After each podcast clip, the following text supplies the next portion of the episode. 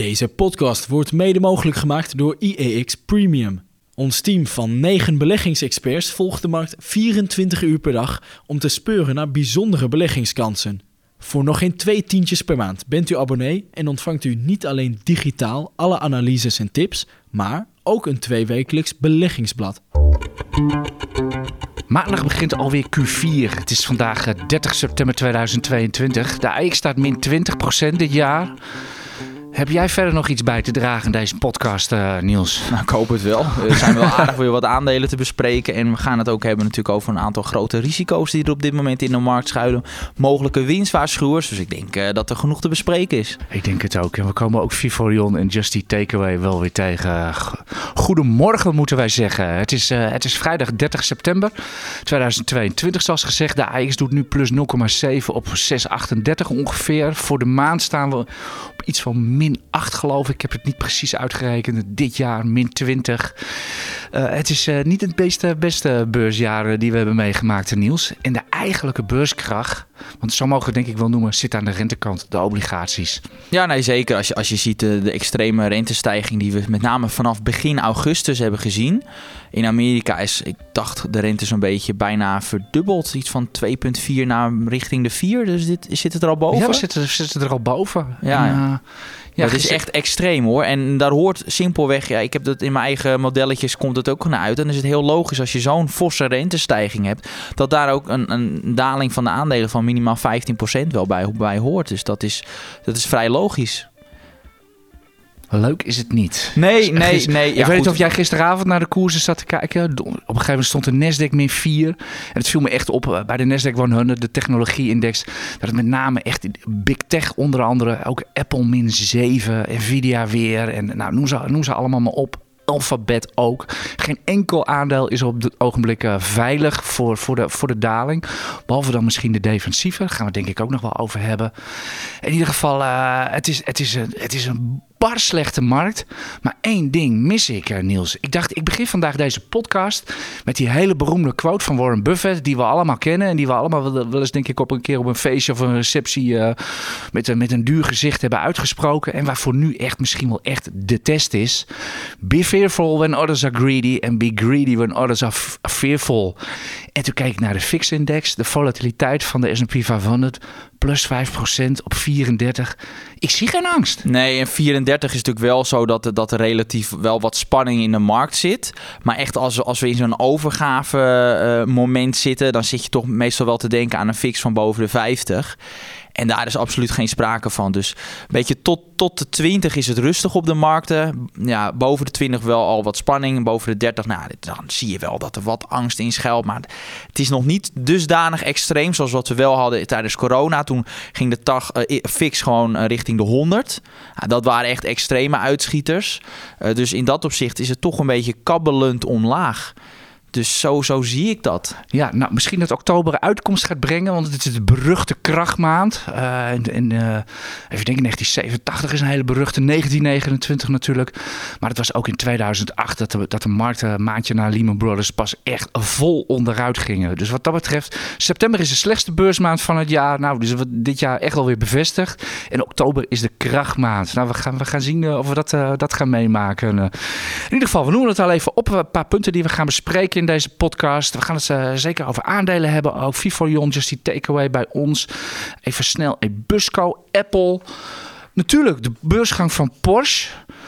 En we hebben weer een hele zwik luistervraag. Ik zie een hele lijst af van je staan, Niels op papier. Ik had er ook nog een aantal op, eh, op Twitter. En we het kregen ook- er echt veel binnen. ja, ja, ja. Veel We, gaan het ook, we gaan het ook nog over Nederlands eh, vastgoed hebben. Want daar was ook deze week het een en ander over te melden. Over vastgoed gesproken. Ik zag gisteren de Amerikaanse 30-jaars rente, eh, hypotheekrente voorbij komen.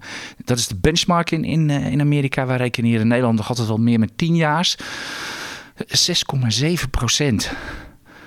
6,7 procent. Reken je hypotheek eens uit met 6,7 procent, eh, Niels. Ja, ja, nee, dat is... eh, Kun jij je huis dan nog betalen of niet? nou, ik ben wel blij dat ik geen 6,7% rente betaal. Ik denk dat het voor mij rond is 2%, zoiets. Dat Ja, is ja, wat ik op mijn hypotheek... Ja, iets meer, 2,2. Maar ja, dat maakt nogal uit of je... Als je twee- 6,5, ja, dat is gewoon keer 3. Dan zouden mijn maandlasten voor mijn hypotheek zou keer drie gaan. Ik denk, nou, dat uh, ben blij dat dat niet het geval is. Want dan, dan zou ik wel echt 17% inflatie hebben, zoals wat we natuurlijk nu gezien hebben in Nederland. 17% inflatie. Ja, dat is het volgende onderwerp waar ik naar over wil gaan. Ja. De huiseconoom van het CBS. Het CBS dat natuurlijk het cijfer bijhoudt. Het is de Harmonized Consumer Price Index. Dus dat is hetzelfde mandje wat in heel Europa wordt, gere wordt uh, gerekend. 17,1% over, over september. En de huiseconoom van CBS zei, ik weet even niet wat ik moet zeggen. Weet jij dat wel? Uh, nou ja, dat, dat het grotendeels het gevolg is van de energieprijzen. Ja, dat is meer dan verdubbeld. Ik zag een stijging van de energieprijs van 110% Ja, dat weegt natuurlijk in zo'n Ja, maar waarom zitten wij op 17% En komen de Fransen vandaag met 6,5 door? En, of 6,2 nou, zelfs. Dat, dat de Duitsers maar op 10% Nou, dat heeft te maken met name bij de Fransen... dat ze natuurlijk uh, ook met zo'n al eerder werken met zo'n energieplafond. Dus dat is wat meer gereguleerd. Dus ja, dan heb je op papier een, lagere, een lagere inflatie. Maar in feite betaalt dan de staat dat, verschil bij. Dus het is meer... Um, op papier is de inflatie laag in, in Frankrijk, maar dat komt dus vooral door overheidsingrijpen. Ja, over ingrijpen gesproken. Heb jij nog iets van de ECB vernomen deze week? Ik heb niks gehoord. ja, ze gaan wel rente, dat hebben ze wel bevestigd. Oh. Dat ze wel gaan verhogen. Maar ja, ik bedoel... Dat was toch al bekend? Ja, 10 of 17 procent inflatie en dan, en dan weer twee kwartjes. Dat uh, gaat natuurlijk geen zoden aan ja, de dijk zetten. Dat, uh, dat, lijkt me ook niet. Uh. Hey, waar zullen we beginnen? We, moeten, we gaan natuurlijk eerst altijd zoals gewoonlijk de brede markt bespreken in deze podcast. Waar, waar, waar zullen, waar zullen we beginnen? Want we, waren nou, wel wat, we noemden al even de inflatie. Beginnen we maar meteen met Engeland? Of, of nee, wachten we daar nog wacht even maar mee? heel eventjes. Want wat mij opviel, met name in Duitsland dat de, de, de Duitse uh, DAX, de, ja, de beurs, een beetje de Duitse AX, die uh, staat op het lager niveau dan maart 2015. Dus dat betekent dat je ruim 7,5 jaar... Dus als jij in trouw in ETF's bijvoorbeeld had gestopt in de Duitse markt, de Duitse DAX, dan had je helemaal niets verdiend. En het verschil met de AEX is ook nog eens een keer dat de DAX een herbeleggingsindex is. Dus de dividenden zitten daarbij. Dus je hebt daar gewoon 7,5 jaar geen rendement. Dat is wel een hard gelach. Weet je, weet je toevallig even uit je hoofd wat de AX-herbeleggingsindex oplevert in die, die, in die periode? Wel ja. veel. De AX heeft aanzienlijk beter gedaan in die periode. Ook omdat wij meer technologiebedrijven hebben. Nou, dit jaar doen die het slecht, maar in de jaren daarvoor zijn die vrij hard omhoog gegaan.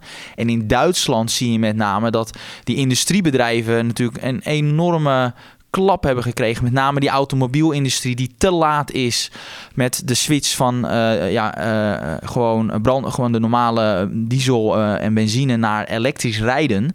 En ja, die, die omslag moet nog gemaakt worden. En die bedrijven zijn echt, echt ja, die koersen zijn echt gewoon geïmplodeerd van die bedrijven. Ja, want je zegt maart 2015. Dat is twee maanden dat de ECB besloten te gaan verruimen. En ja, met z'n allen sinds die tijd eigenlijk roepen van... ja, de ECB uh, koopt de aandelen omhoog. Nou, niet de Duitse in ieder geval. Nee, uh, nee en wat natuurlijk meespeelt is dat Duitsland natuurlijk ook extra veel last heeft... van het feit van die hoge energieprijzen. Ja, ja al, die, al die energie-intensieve industrie die, uh, die Duitsland heeft, dat loopt gigantisch En Bas F, ik zou daar niet de winter mee in willen gaan met die aandelen. Echt niet. Want ja, je weet, stel dat, dat we een strenge winter krijgen. Dan kan het zomaar ineens zo zijn dat een Bas even zomaar het bericht krijgt van nou... Sluit maar de helft van je, van je, van je, van je fabrieken eventjes. Of zet het maar even on hold. Ja, dat is natuurlijk voor zo'n ja, bedrijf... de Duitsers leren de naam Groningen goed uitspreken. Uh... Ja, nou... Ja. ja, zo blijft sowieso een lastige discussie. Maar ik, ja, ik maak me daar over dat soort bedrijven wel zorgen. Ik, ik zou daar toch wel mee oppassen. Niet bijvoorbeeld bij een Bas F. Kijk, puur als je kijkt naar verwachte koers-winstverhouding... dat is een extreem goedkoop aandeel. Maar dat risico is zo hoog. En we weten gewoon niet wat er, wat er gaat gebeuren. Oké, okay, schakelen van Duitsland over. Ja, we zullen het echt moeten doen naar Engeland. Ja, dat was toch wel weer om. Ja, dat werkt een beetje. Die uh, werkt een beetje bij ons op de lachspieren. Bij wie niet? Ja, het is ongelooflijk. Uh, goed, wat, wat is daar gebeurd? Nou, we hebben natuurlijk allemaal gezien. Om het even heel kort samen te vatten. De Britse regering die, die lanceert gewoon een gigantisch uitgavenplan. wat gewoon niet gedekt is. Zullen we het zo maar even samenvatten? Een beetje nou, Italiaans, ja, Italiaans begroten, een beetje. Ja, het is ja. gewoon gratis geld. Maar ja, het is 2022. Gratis geld is uh, hardhandig afgeschaft jaar. En het is natuurlijk gigantisch bestraft uh, door de markt. En eh, van de week kwam er een uh, gratis geldtip voorbij van de, van de inmiddels beroemde Britse minister van Financiën. Of de City zo vriendelijk wilde zijn even het pond niet te shorten. Hij zei het letterlijk. Ja, als, als, als, een, als een minister van Financiën dat zegt van alsjeblieft short onze munt niet dan moet je eigenlijk gewoon shorten, want dan is er wat mis. Dan is hij in paniek. En ja, ja dat iemand, dat is een gratis geldtip. Zo'n iemand wordt ook door niemand mis, in, echt door professionals, wordt zo'n iemand niet meer serieus genomen. ik, denk, ik denk beter dat, dat hij maar af kan treden. Dat, uh, die, die man wordt toch nooit meer serieus genomen? Nee, omdat je, kijk, uh, zo'n munt gaat in waarde omlaag, omdat hij in feite een, met een dramatische begroting komt die niet gedekt is. Kijk, op het moment dat hij gewoon een, met een, een reële begroting komt met niet, met niet een extreem tekort, dan komt die munt echt wel weer terug. Dus het, is, het ligt aan hemzelf, aan het kabinet zelf en niet zozeer aan de markt. Het is natuurlijk heel makkelijk om altijd maar de markt de schuld te geven. Ja, maar dat is niet het geval. Daar weten we in Nederland ook altijd wel raad mee. Wat er ook gebeurt, uh, altijd krijgt de markt de schuld. Huizenprijzen, energie, et cetera. Maar goed, uh, ja, in ieder geval die... Uh, ja, die Britse premier. Ja, ik bedoel, hoe lang is het? Twee weken of zo? Drie weken? Ja, één grote chaos. Het is, het, is, het, is werkelijk, het is werkelijk waar één grote chaos. Maar ik denk dat dit, dit verhaal één ding zegt. In, in de media gaat het er vooral over dat dat belastingplan vooral heel erg goed uh, uitpakt voor de, voor de rijken. Want zo heet dat tegenwoordig, de rijken. Uh, nou, dat, dat, dat, daar let de markt niet op, op dat soort dingen. Die kijken gewoon alleen maar hoe het gedekt is. En dat is het niet. En, uh, dus het is niet zo, want dat, als je dan de media luistert, dan denk je dat het gevolg is dat de pond omlaag gaat omdat het belastingplan zo goed is voor de rijken en niet voor de armen. Nee, dat is niet het geval. Het is gewoon niet gedekt. Het is gewoon een, in dat opzicht een slecht plan. Niet zozeer dus omdat het denivelerend werkt, maar gewoon uh, omdat ja, er is gewoon geen. Ja, het is gewoon, ik kan me gewoon geen voorstelling bij maken. Omdat ik, ik heb al gekeken naar de Nederlandse begroting, daar werd ik al zeer verdrietig van. Maar en, eh, bij het coalitieakkoord. Maar ja, de, de Britten maken het gewoon nog onze erger. onze begroting, die, die, die, die, die, die, die, die gascap die erop komt en wat dat gaat kosten, is ook niet doorgerekend. En het is ook gewoon een begroting die aan de Kamer is uh, gepresenteerd. Nou anyway. Maar in ieder geval bij die, bij die Britten. Ja, ik, ik had van de week heel graag bij de vergadering van de Bank of England willen zijn.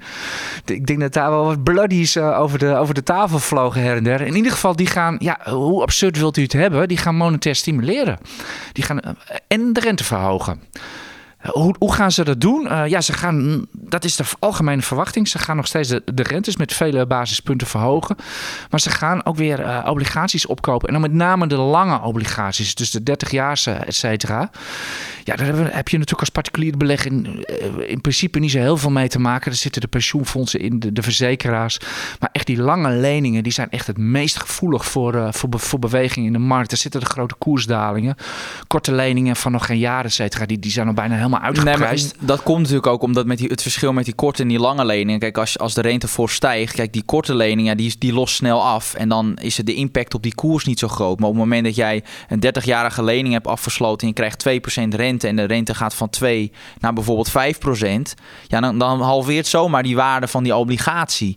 Dus, uh, en bij een korte lening is dat niet het geval, omdat je dan snel weer het kan opnieuw kan investeren in een andere obligatie. Dus ja, dat snap ik dan wel dat ze voor die lange leningen kopen. Ja, kiezen. Het is een beetje, het is, een beetje, het is natuurlijk veel complexer dan dit, maar dit is een beetje in grote lijnen eh, wat ze daar gaan doen. En uh, nou ja, veel succes. We gaan zien of, uh, of, de, of de pond het houdt en door pariteit heen gaat of niet. Het zou voor het eerst sinds sinds Trafalgar zijn of zo? De slag bij Hastings? Of uh, hoe ben je op de hoogte van de Britse ik, ik, ik, kan het me niet herinneren. nee, ik denk, ik, denk helemaal, ik denk helemaal niemand. Laten we maar gauw naar, naar volgende... Nou, voordat we met de aandelen beginnen...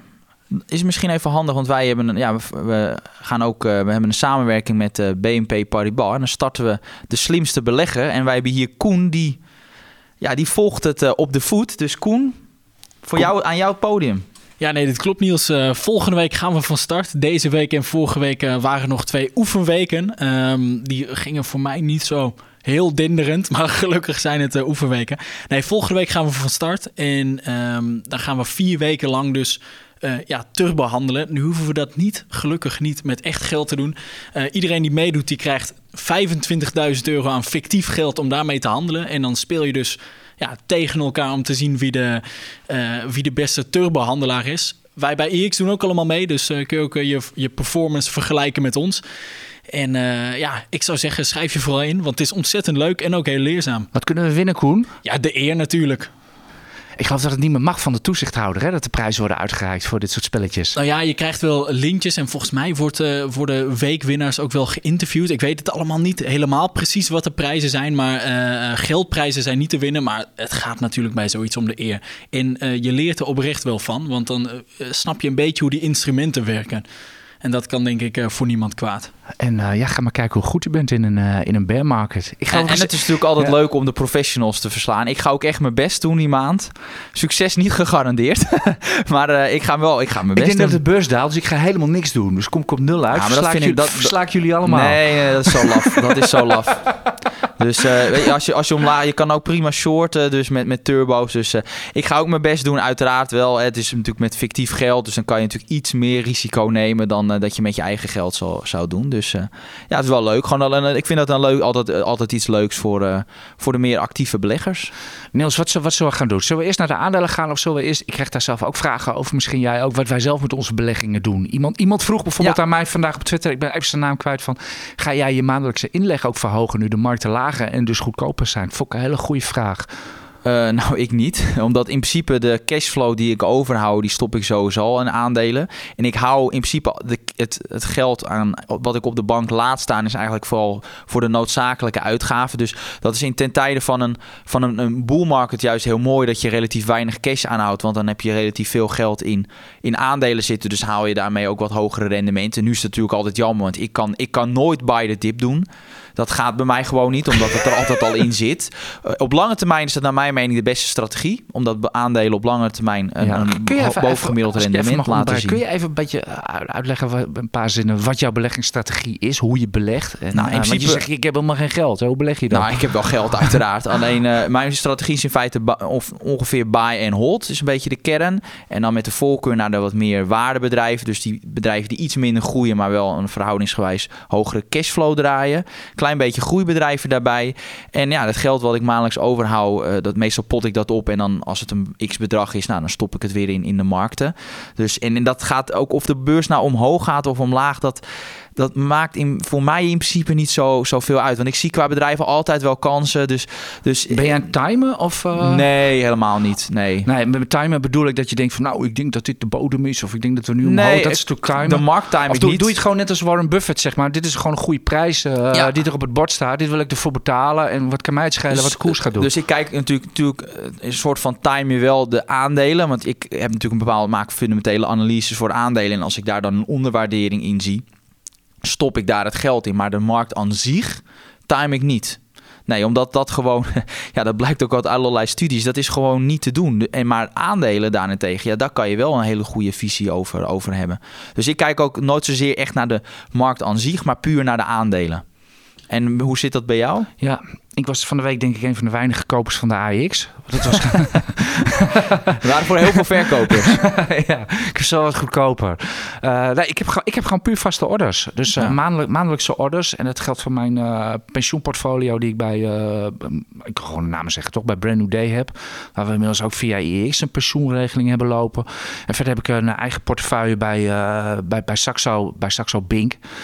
En ja, zijn, ik zeg het al, het zijn maandelijkse orders, dus ze lopen door. Ik ga daar niet aan tornen en uh, de bedragen zijn nog hetzelfde. Dus wat dat betreft uh, handel ik gewoon door. Ik had een hele leuke discussie trouwens ook, ook nog over op, op, op Twitter, et cetera. Mensen die die methode toch weer gaan aanvechten, et cetera. Op iedere methode valt kritiek te geven. Ik doe het zo en dit bevalt mij heel goed. En ik ga voor de langjarige ja. gemiddelde van de beurs. Maar de, de kern van ons is dus in feite dat wij onze manier van beleggen niet wijzigt uh, ten aanzien van de markt. Dus of het nou heel goed gaat met de markt, dat, dat we in een enorme bull market zitten of in een bear market.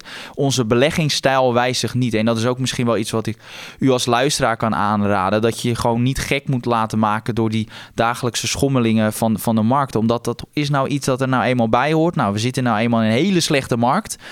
Maar ook in een hele slechte markt liggen nog steeds kansen. En ik snap wel Juist, dat het, ja. Ja, ja, ja, zeker. Het is wel zo dat de lagere waarderingen natuurlijk nu wel deels ook gerechtvaardigd zijn door die hogere rente.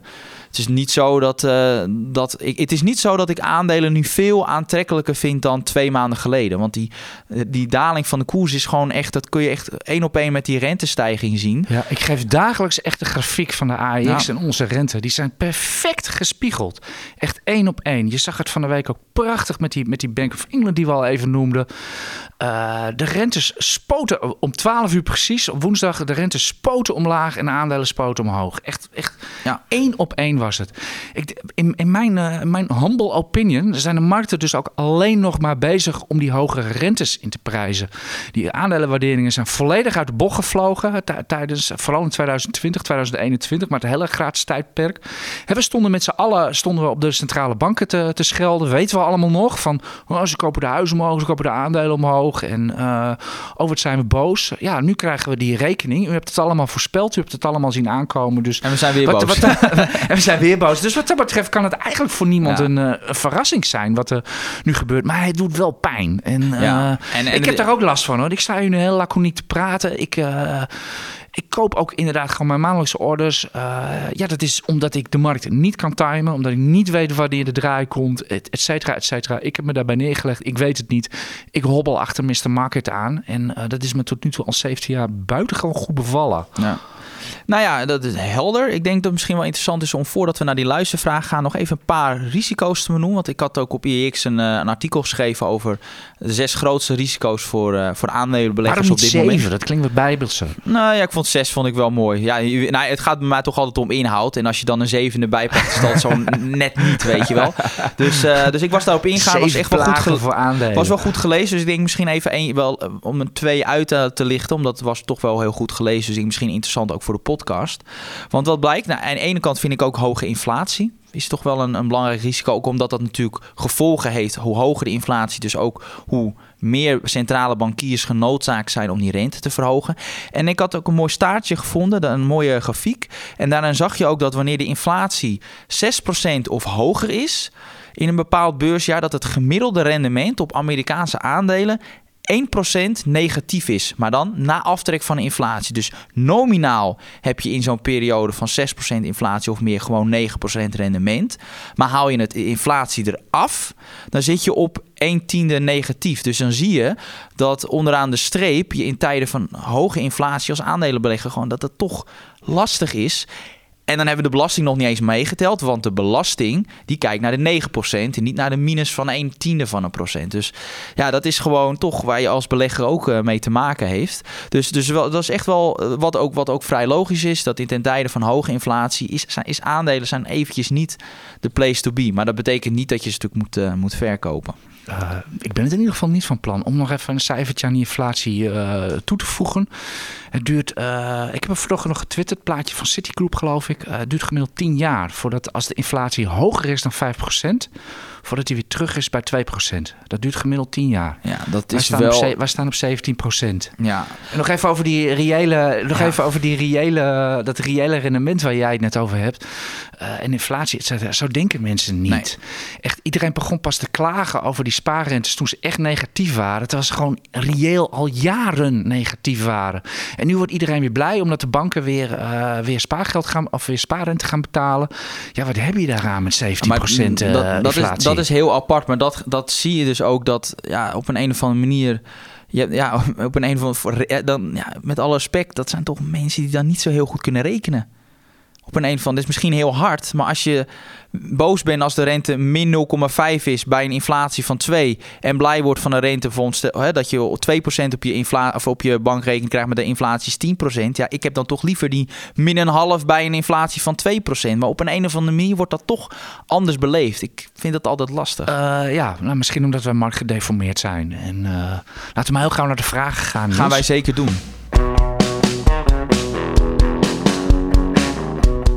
We trappen af met een vraag van Stanny. Uh, hij zegt van, nou, misschien een domme vraag, maar toch wil ik hem uh, graag weten. Waarom en wie bepaalt dat nou de aandelen omlaag of omhoog gaan? Want de rente stijgt, maar wie verkoopt er nou? Uh, is het niet gewoon zo dat als niemand verkoopt, dat er dan ook niks gebeurt met een aandeel?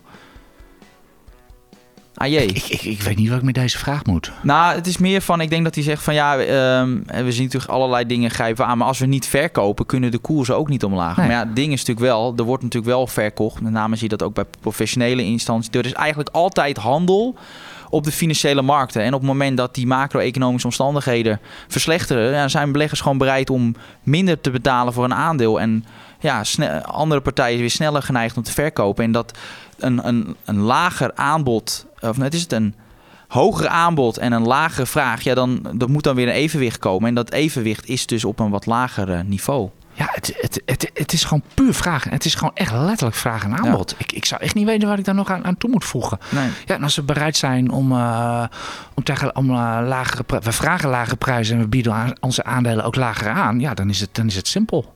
Ja, nee, helder. Eh, vraag nu van eh, Baby Genius. Heeft de neergaande koers van een aandeel enige invloed op de dagelijkse werking van een bedrijf? AJ.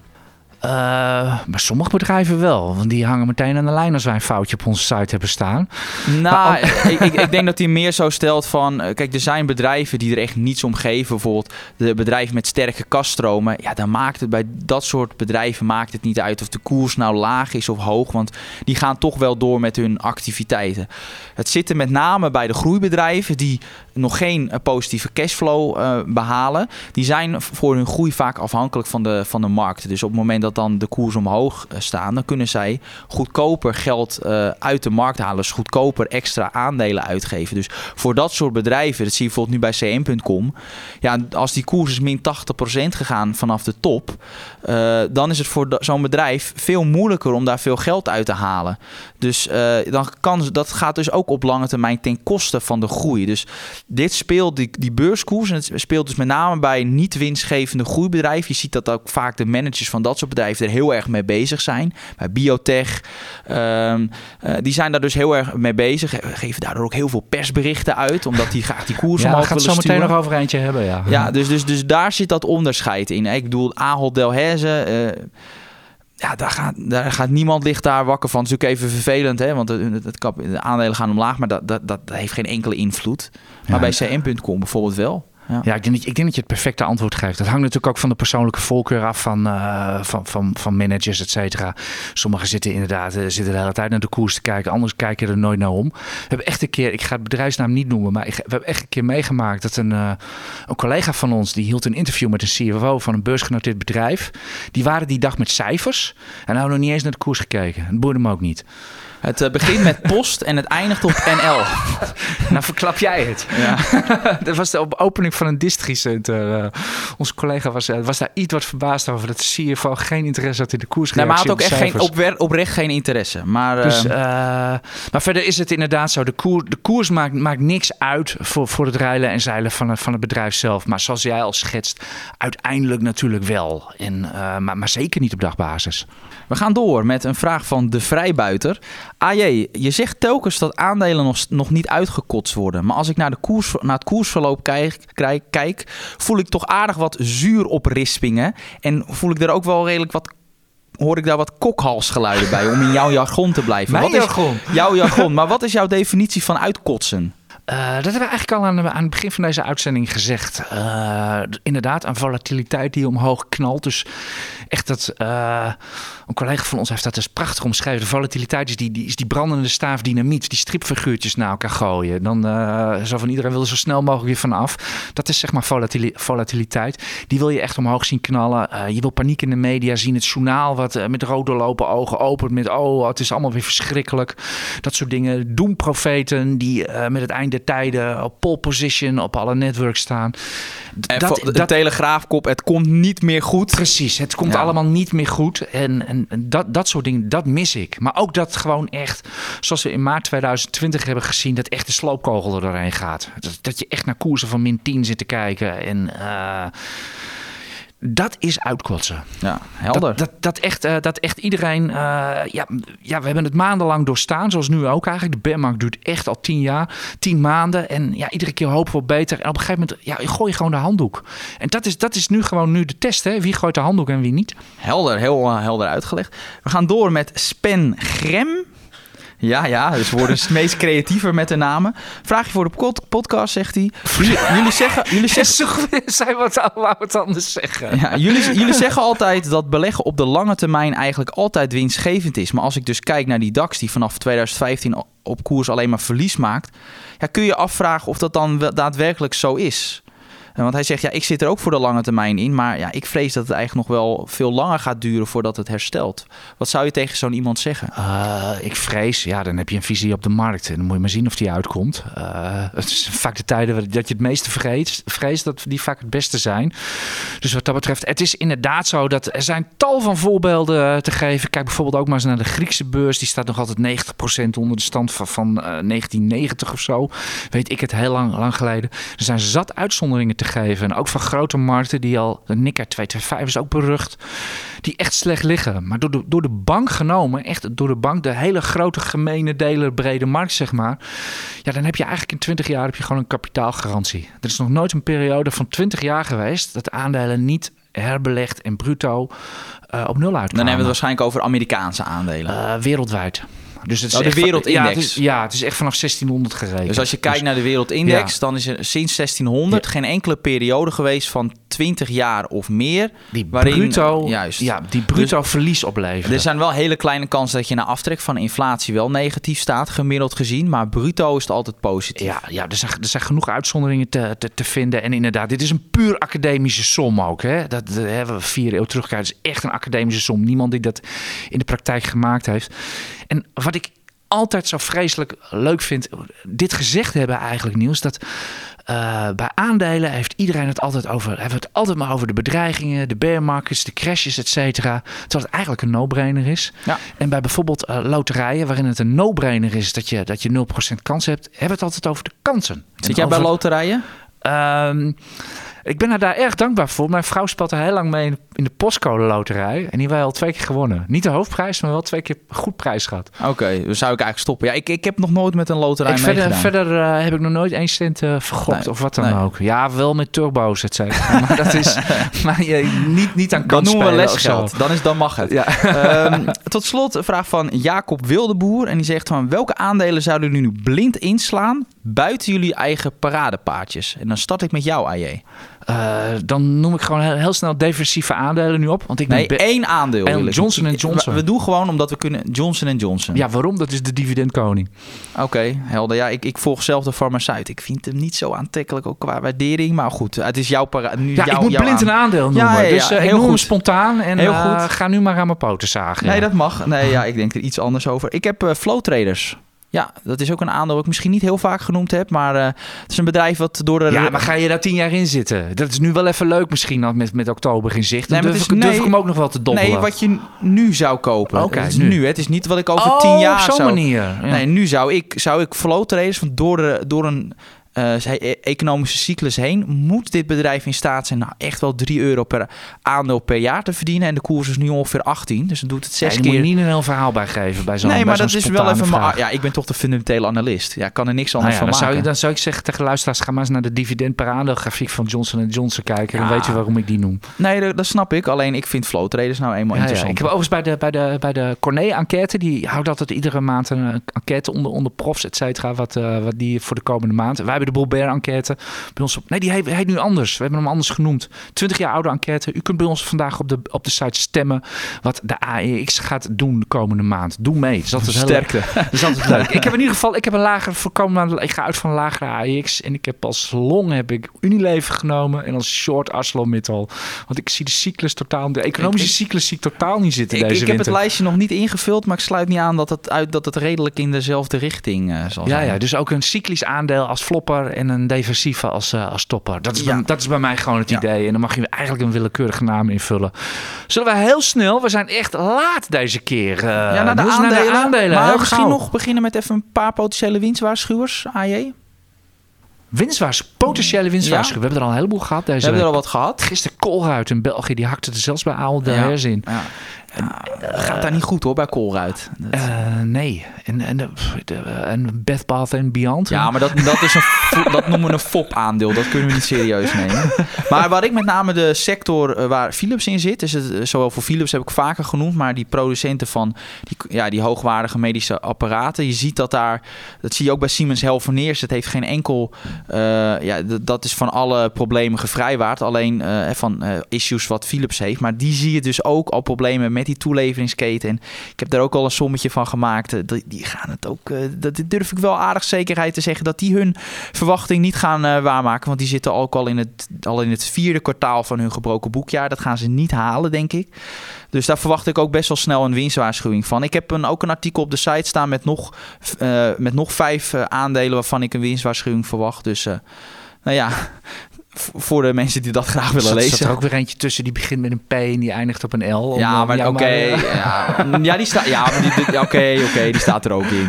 Maar maar eh, die, die, die, die wist iedereen al van Jawel, tevoren. maar dan is het ook Nou, de, is toel- flauw, ja. de toelichting. Ja, weet je, je wilt toch gewoon me noemen. En dat is, ja, het er een Ja, is, ik is denk er dat met name bedrijven, consumentenartikelen, et cetera, PC's, et cetera, dat dat, dat, Nee. dat, dat, dat wordt hem even Maar niet. soms ook ik denk, dat, bedrijven- ik denk dat misschien dat het niet eens zozeer... We gaan nu wel echt het winstwaarschuwingsseizoen echt in. Ik denk dat ook veel bedrijven hun outlook gaan herzien of niet met deze winter een aantocht niet durven af te geven. Nee, dat, eh, dat zou wel eens goed kunnen bij veel inderdaad eh, energie-intensieve bedrijven. Dat die toch denken, we, we skippen de outlook. Dus Ja. eh, we gaan dat... Formeel we gaan- beginnen we hier, hier in Amsterdam op 19 oktober met de ASML, de cijfers van eh, ASML. En daar hebben we, hebben we nu al een vooruitblik van op de site staan van collega Paul Weteling. Helemaal helder. We gaan nu echt naar de Damrak. We gaan naar de Damrak. Ik had een ander aandeel in gedachten, maar we Nou, kunnen moeten ook we het Vivorion Vivorion beginnen. doen. Ja. Ja. natuurlijk. We hebben het er nooit over. Waarom hebben wij het er nooit over? Nou, omdat dit ook in de categorie casino-aandelen zit. Want eh, ja, dat is een heel klein bedrijfje wat bezig is met het ontwikkelen van een medicijn tegen of Alzheimer. zoiets, geloof ik. Hè? Ja, dus Ja. Alzheimer is natuurlijk nog niks tegen eh, gevonden, tegen die ziekte. En zij zijn met tien mensen zijn ze bezig. En dat is daar onderdeel maakt ook de mevrouw, eh, de koffiejuffrouw, maakt er ook onderdeel van uit van die team.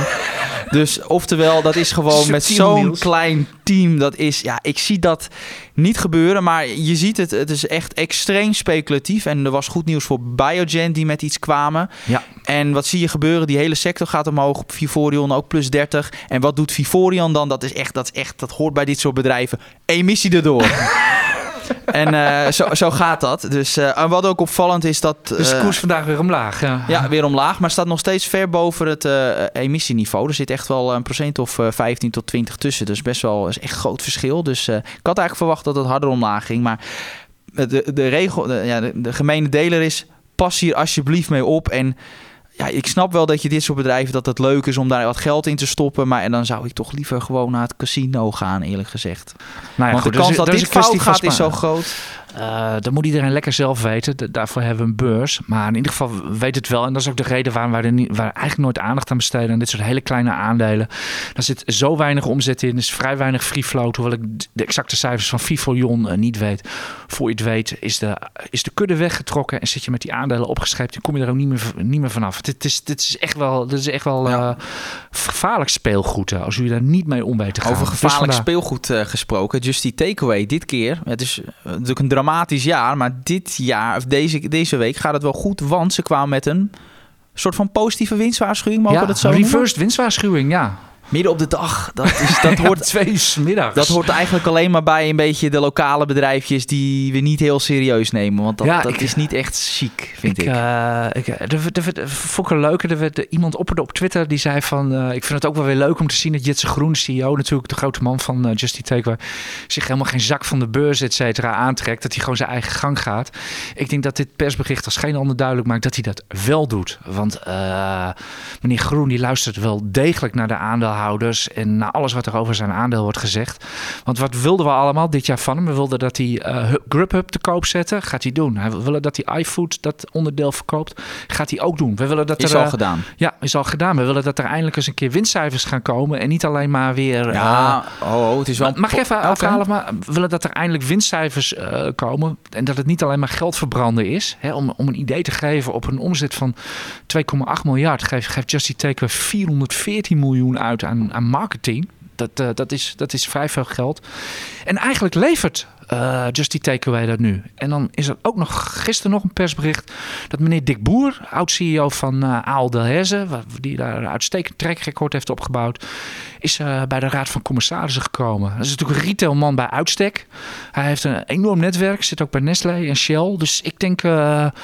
Ik denk dat Jits gewoon goed naar de kritiek heeft geluisterd. Maar het is wel anders natuurlijk als je die EBITDA, het bedrijfsresultaat wordt in de tweede jaarhelft waarschijnlijk positief. Waarschijnlijk gewoon door lagere marketingsuitgaven.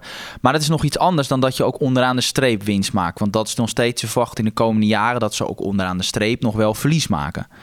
Dus, uh, dus dat is ook wel. Uh, Winst is een keuze, heet het op de. Ja, heb, daarom kijk ik ook altijd naar EBITDA. Dat is het meest, uh, dat is het meest zuivere vergelijkingscijfer. Ja, één ding, daar moet je wel altijd een beetje bij opletten. Want je hebt sommige bedrijven met hele hoge afschrijvingen en hele hoge rentelasten. Dan is EBITDA iets minder belangrijk en moet je wel degelijk naar die netto winst en vrije kaststroom kijken. Dus dat zegt dan weer de analist in mij.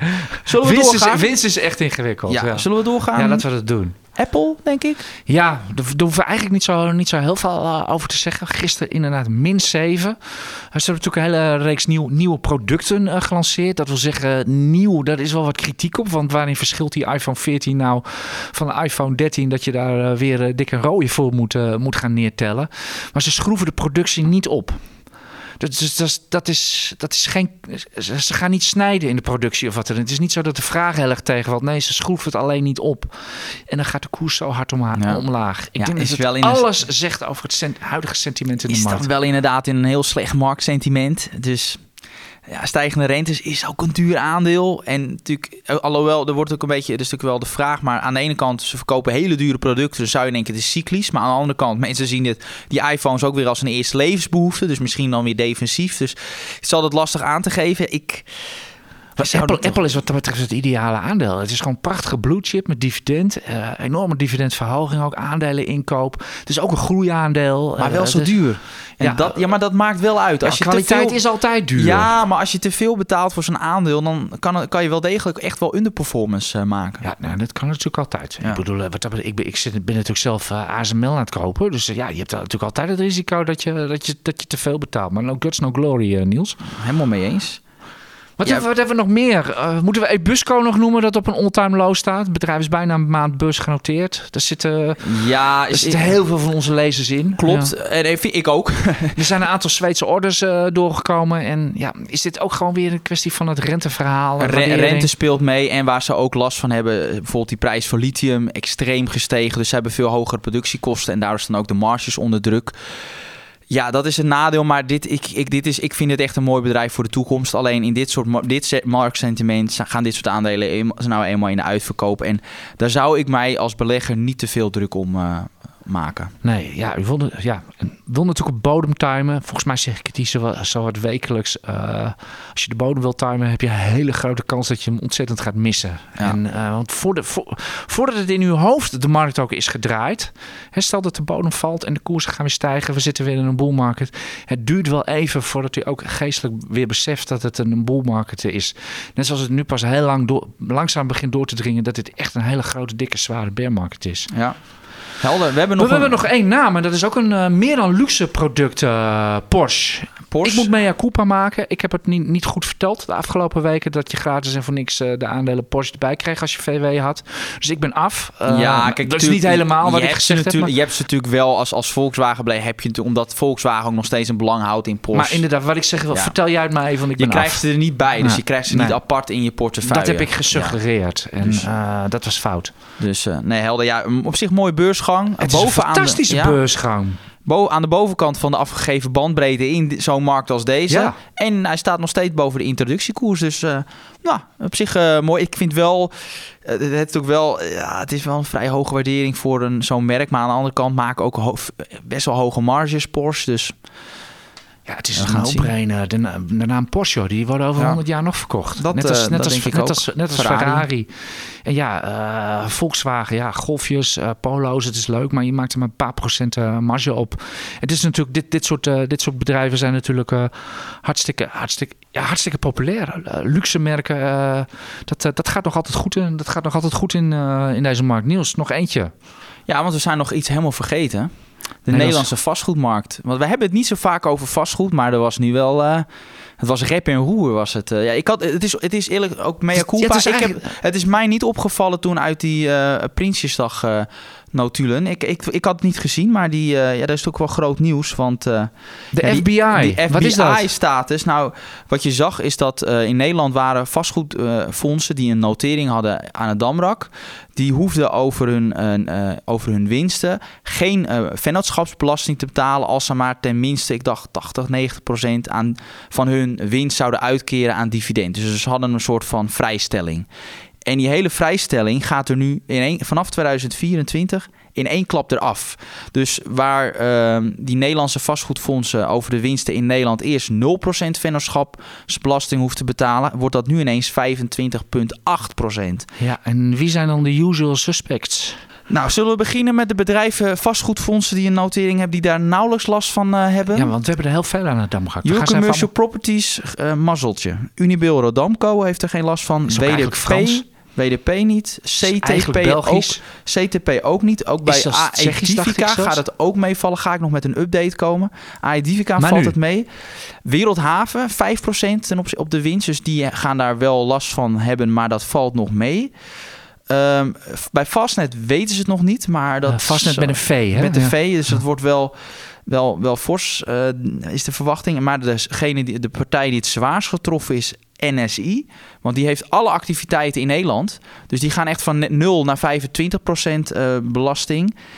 Ja, en dan, ik had ook even de raming van ABN AMRO uh, erbij gepakt. En die verwacht dus dat die winst per aandeel zelfs over twee jaar met 31 procent is gedaald ten opzichte van nu. En dat komt natuurlijk ook door de hogere rentekosten. Maar dus ook dus grotendeels door deze belasting uh. En dat is wel extreem hoor. Dus ja, je zag ook dat energie heel hard ging. Vastnet ging ook hard omlaag met tv. Maar dat speelt ook mee, omdat er speelt natuurlijk meer in die hele sector. Het is niet alleen maar die belasting tegenvallen, die stijgende rentes dat is wel een probleem. En helemaal voor die uh, winkelvastgoedfondsen. En met name voor over vastnet maak ik me daar wel zorgen om. Want het, wat is nou het geval? Vastnet heeft ongeveer de helft van hun uh, omzet komt, uh, wordt gegenereerd van, door modezaken. En die hebben het natuurlijk heel lastig. Ze hebben ook een hoge schuldgraad. Dus uh, hoge schuldpositie. En, en dat is het, het allerbelangrijkste. Over twee jaar moet Vastnet 80% van zijn schulden herfinancieren. Met die rentes die fors zijn gestegen, ja, dat gaat enorme impact hebben op de winst. En omdat ze dus ook nog een keer een hoog schuldniveau hebben, kan dat zo'n ja, zelfversnellend effect uh, worden. Ja, ja. Dus dat hebben we ook als beleggersdesk gezegd. Toch de tip van mij voor deze week. Wees daar echt weg. Vastnet zou ik echt niet doen. Echt, dat is echt naar mijn mening de zwakste broeder. dat je zo hard, uh, hard oordeel geeft. Hier ja, ik zou er echt, echt, echt mee uitkijken. Het is, is echt bovengemiddeld kwetsbaar.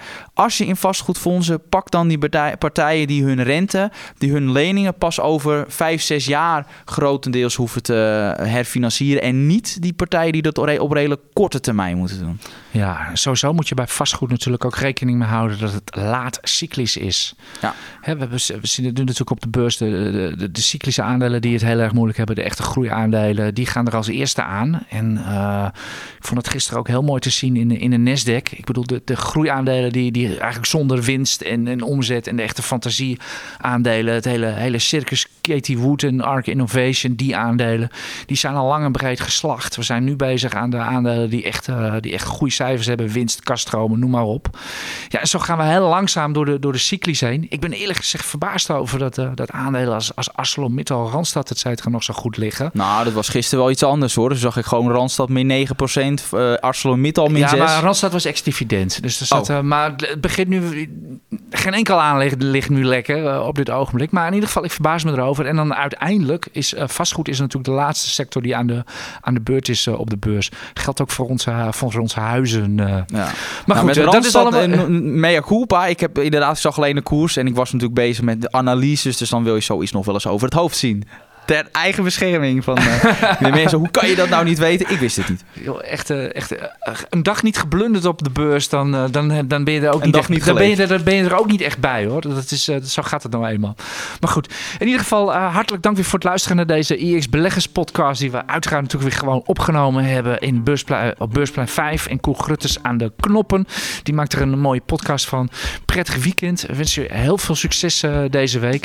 En we zijn heel benieuwd wat oktober gaat Nog even een reminder. Wilt u de analyses en kooptips van Niels Koerts en de acht andere beleggingsexperts ontvangen? Dat kan. Voor nog geen twee tientjes per maand bent u abonnee en blijft u digitaal constant op de hoogte van de nieuwste analyses en tips. Daarnaast valt er elke twee weken een gloednieuwe editie van het IEX magazine op uw deurmat.